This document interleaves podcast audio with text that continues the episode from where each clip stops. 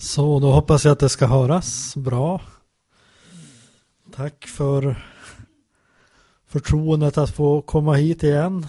Det är alltid roligt att få besöka er. Det är som att ni har någon särskild gemenskap här. Jag vet inte vad det är, men man känner sig väldigt hemma. Och, och det är ett gott tecken. Eh, vi tar och ber, vi ber tillsammans innan vi ska läsa texten för, för den här söndagen. Jesus Kristus, tack för att vi återigen får vara samlade här idag. Och så får vi be med saltarens ord, visa mig Herre din väg. Jag vill vandra i din sanning, ge mig ett odelat hjärta så att jag vördar ditt namn. Herre, tack för att du är barmhärtig och nådig. Och vi ber att du möter oss idag genom ditt ord. Och gode helige Ande, tack för att det inte är genom någon människas styrka eller kraft det ska ske.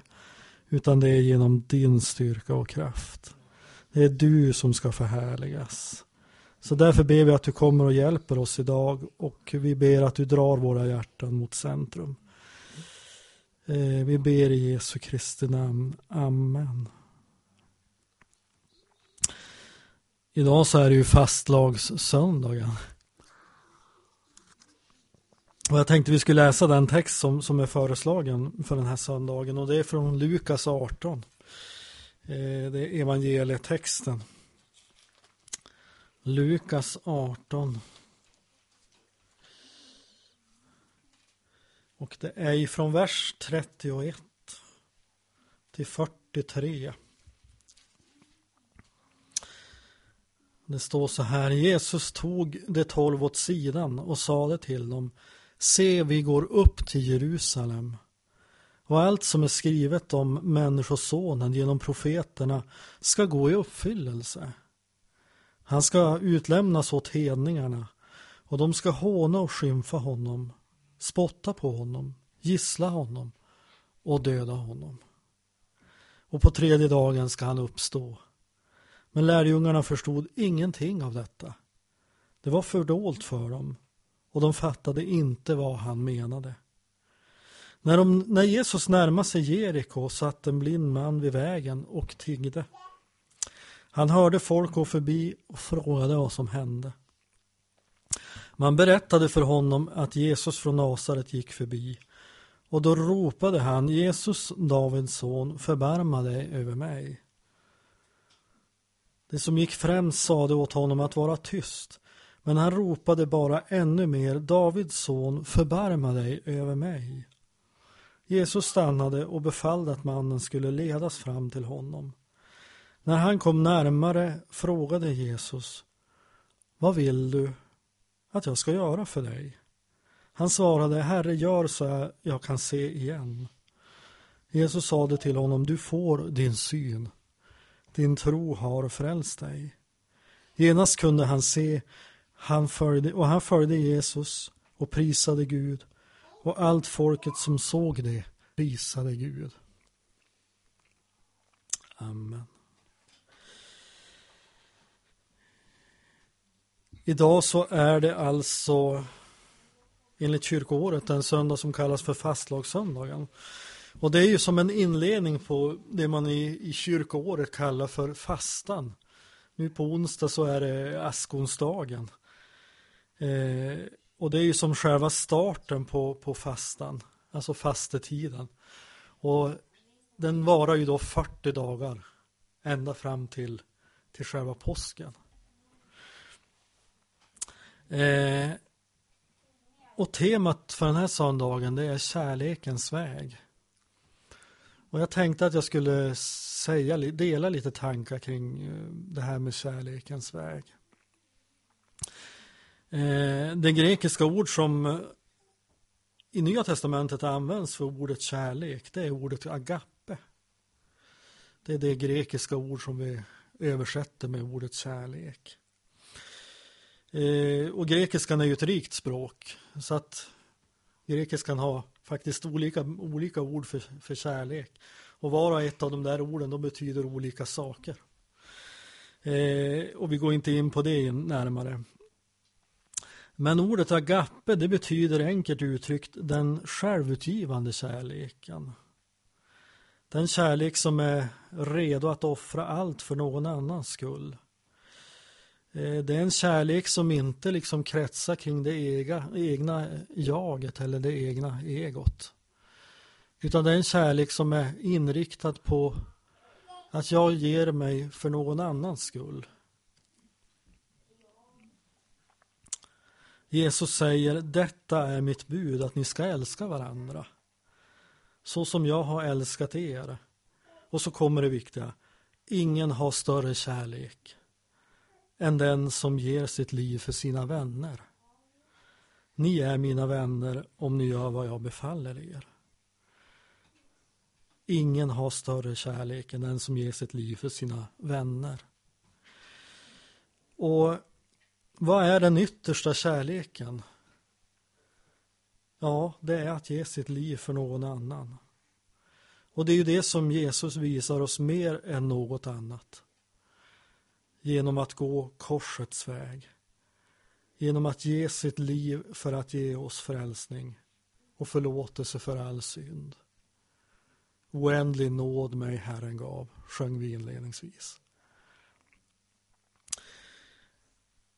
I dagens evangelietext så förutsäger Jesus sin död och uppståndelse för tredje gången.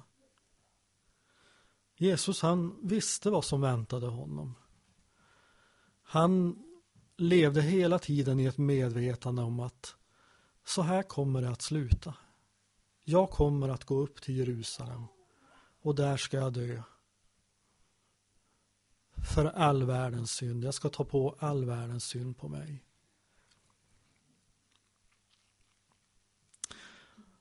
Och det är tredje gången Jesus berättar det här för sina lärjungar. Att nu går vi upp till Jerusalem och jag ska dödas. Men på tredje dagen ska jag uppstå. Och Jesus säger också att detta är vad profeterna har förutsagt redan i Gamla Testamentet. Lukas har en notering med om hur lärjungarna reagerade inför det Jesus berättade. Han säger att lärjungarna, de förstod inte någonting av det han sa. Det var som att det låg som någon slags täckelse för deras ögon. De fattade liksom ingenting. Det är först när de möter Jesus efter hans uppståndelse som de mer och mer kan ta till sig allt det som står i Mose, profeterna och psalmerna. Alltså det vi kallar för Gamla testamentet. Och detta vittnar om att Messias skulle lida och dö för att vi ska få förlåtelse för våra synder. Vi kan blända framåt och läsa Lukas 24. Och då är vi egentligen, då är vi egentligen på påskdagen kanske. 24 och 41 kan vi läsa från. 44, förlåt jag sa fel. Och han sade till dem, detta är vad jag sade till er medan jag ännu var hos er. Allt måste uppfyllas som är skrivet om mig i Mose lag, profeterna och salmerna. Sedan öppnade han deras sinnen så att de förstod skrifterna. Och han sa till dem, det är så skrivet att Messias ska lida och dö och på, ska lida och på tredje dagen uppstå från de döda. Och att omvändelse och syndernas förlåtelse ska förkunnas i hans namn för alla folk med början i Jerusalem. Ni är vittnen om detta. Och jag ska sända över er vad min far har lovat. Och ni ska stanna här i staden tills ni har blivit rustade med kraft från höjden. Jesus han öppnade deras sinnen så att de förstod vad skriften handlade om. Och enligt Jesus så handlar just hela gamla testamentet, enligt Jesus så handlar skrifterna om hans lidande och död och uppståndelse från de döda. Som den absoluta höjdpunkten i historien. Om det är sant att Jesus, konungen, måste lida och dö och uppstå på tredje dagen, då bör vi förvänta oss att det är ett centralt tema som möter oss i Gamla Testamentet. Ingen har större kärlek än den som ger sitt liv för sina vänner.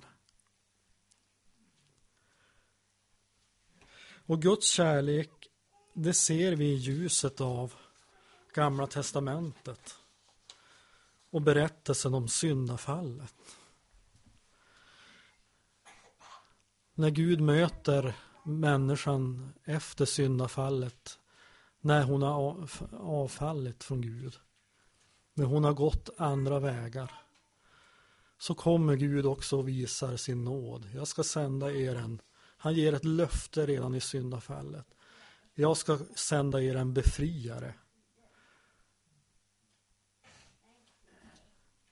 Eh, och jag tänker på, det är ju mäktigt det där. Eh, det här hade jag inte ens skrivit upp i mitt utkast. som du.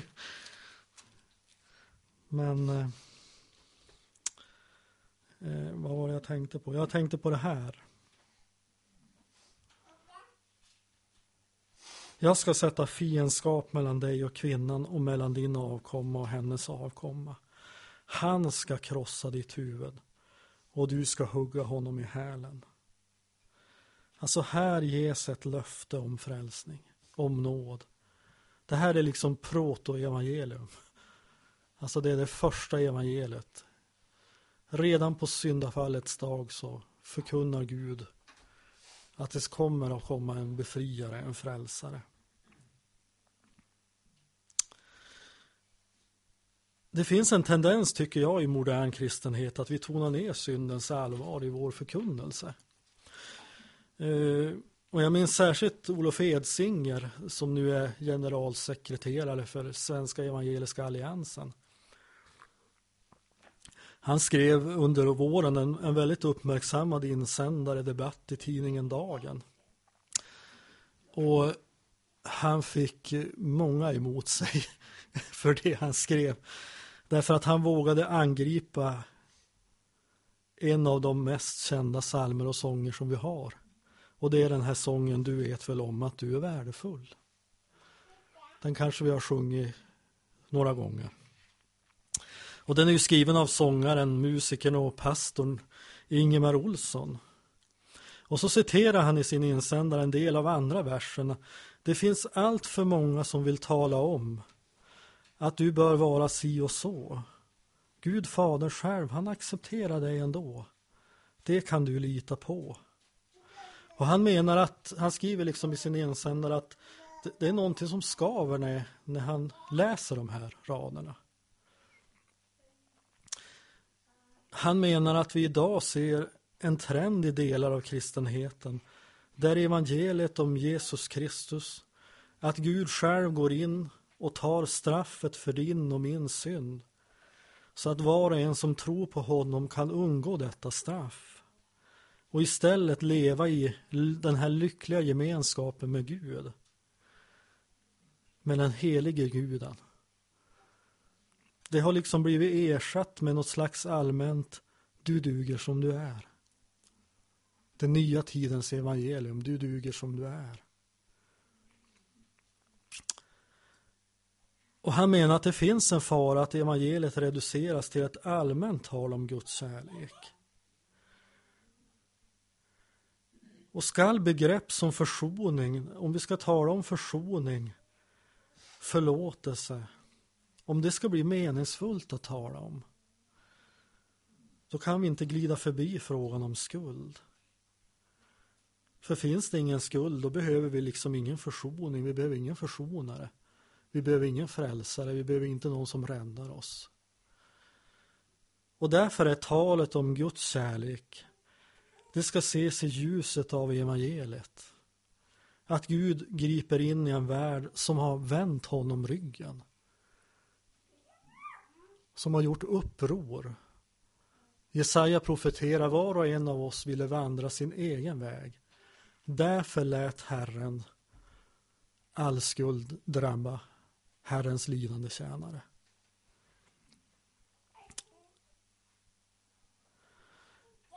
Och därför, men Guds kärlek det handlar om att Gud griper in. Han erbjuder oss försoning, han erbjuder oss nåd. Han erbjuder oss förlåtelse. Men Gud bevisar sin kärlek till oss genom att Kristus dog i vårt ställe medan vi ännu var syndare. Romarbrevet 5 och 8. Återigen, ingen har större kärlek än den som ger sitt liv för sina vänner. Det är det som är evangeliet. Kärlekens väg, det är korsets väg. Halleluja. Korsets väg, det föder kärlekens gärningar.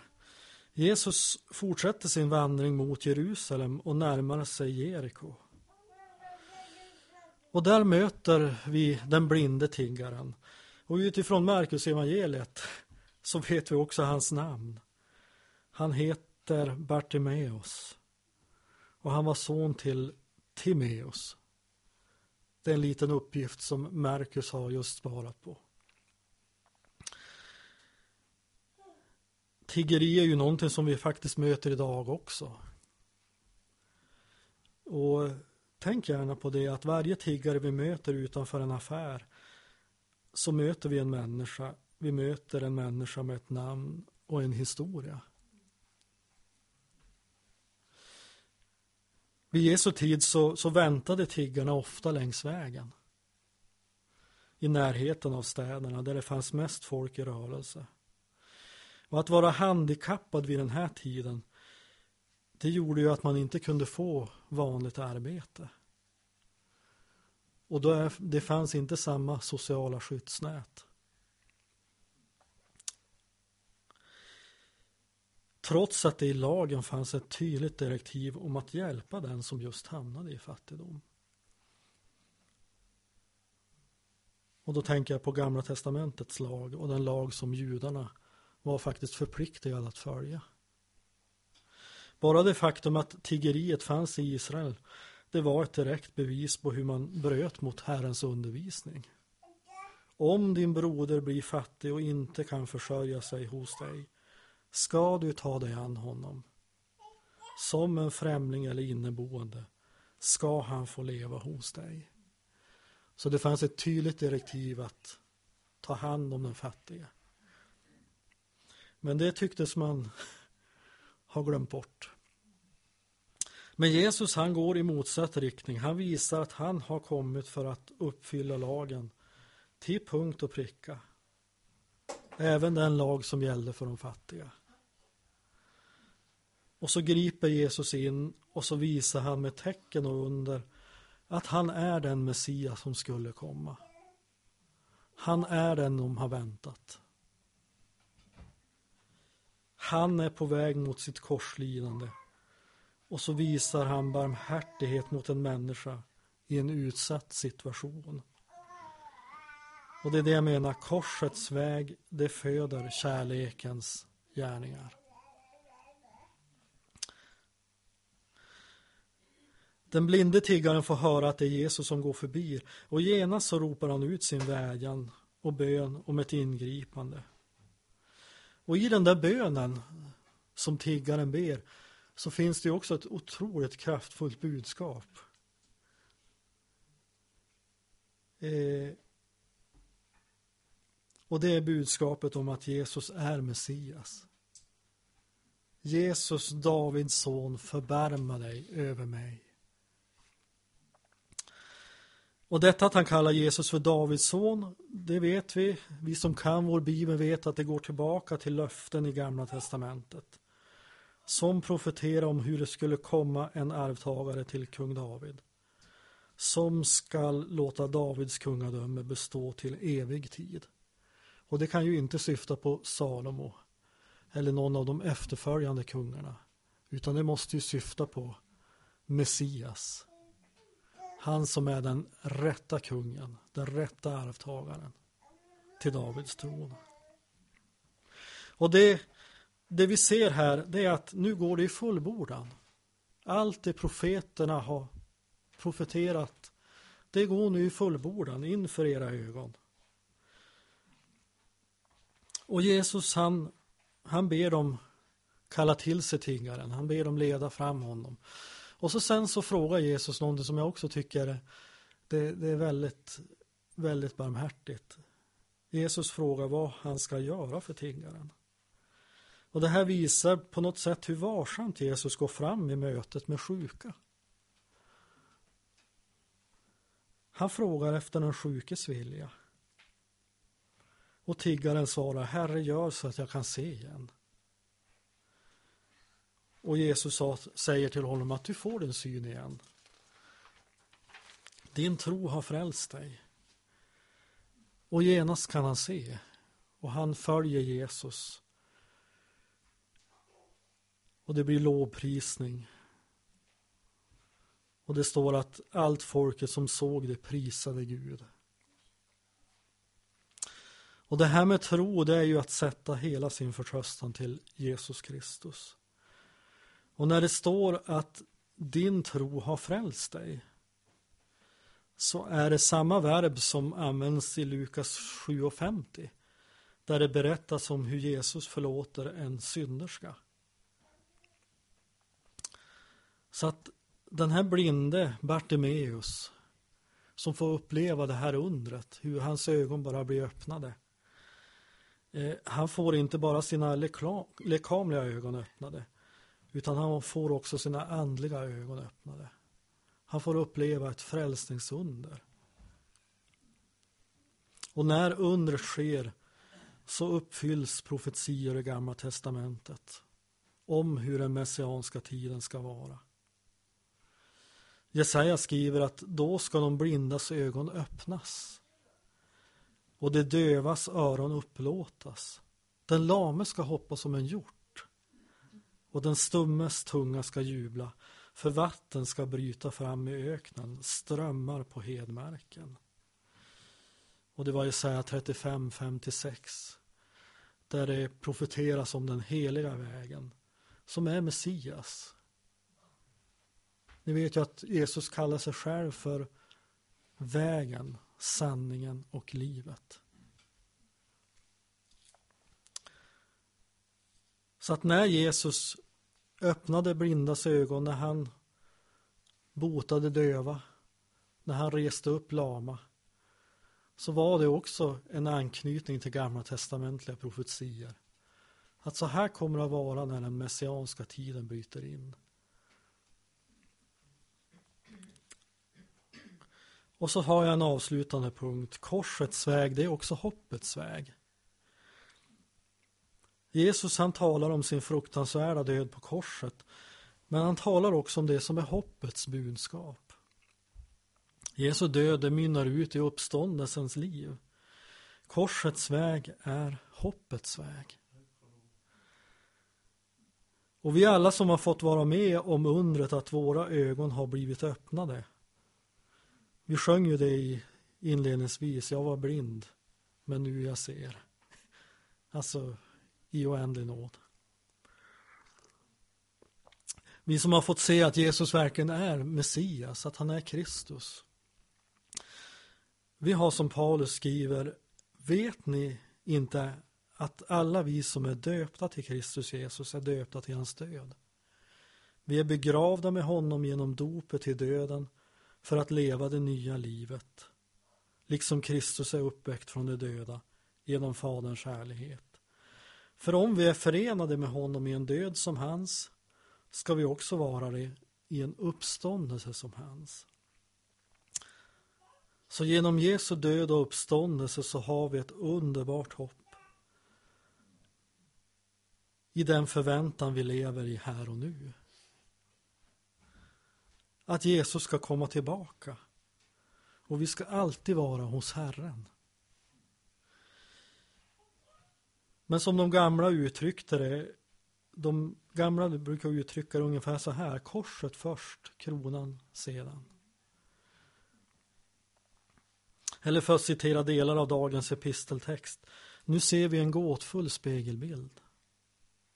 Men då ska vi se ansikte mot ansikte. Nu förstår jag bara till en del, men då ska jag känna fullkomligt.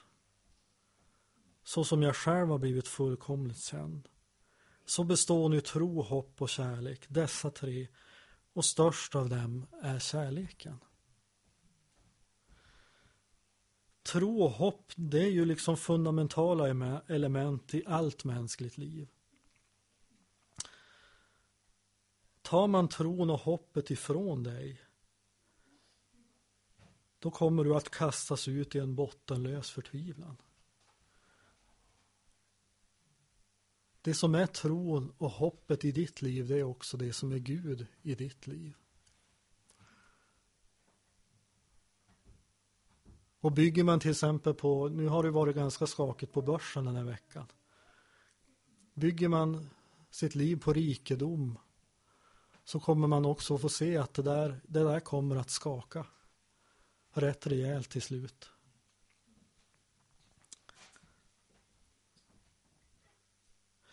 Tro, det är ju det förtroende vi har till Gud. Den här förtröstan att vi litar.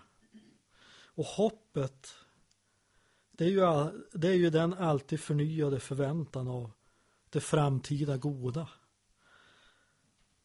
Det som fullt ut ska realiseras vid Jesu återkomst. Det vi väntar, Guds rike ska komma med kraft. Jesus ska komma tillbaka. Och där kommer allting att bli förklarat. Där ska vi se ansikte mot ansikte. Där ska vi känna fullkomligt och själv bli fullkomligt kända, skriver Paulus. Och allt, det som binder som samman allt det här, det har sin grund i den kärlek som Gud har bevisat oss. Ingen har större kärlek än att han ger sitt liv för sina vänner. Och Johannes han skriver i sitt första brev om den kärleken. Så uppenbarades Guds kärlek till oss. Han sände sin enfödde son till världen för att vi skulle leva genom honom. Och så, detta är kärleken. Inte att vi har älskat Gud, utan att han har älskat oss och sänt sin son till försoning för våra synder. Så här ser vi hur kärlek, försoning binds samman till en enhet. Så vad är kärleken? Ja, Gud har trots vår synd så har han sänt sin son till försoning för våra synder. Och detta är evigt liv. Amen.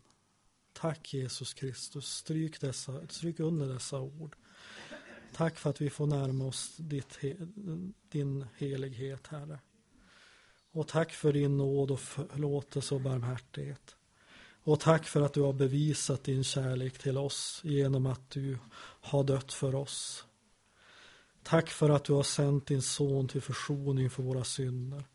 Tack för den oändliga nåd och kärlek du har visat oss, Herre. Och tack för att vi får leva i den, Herre.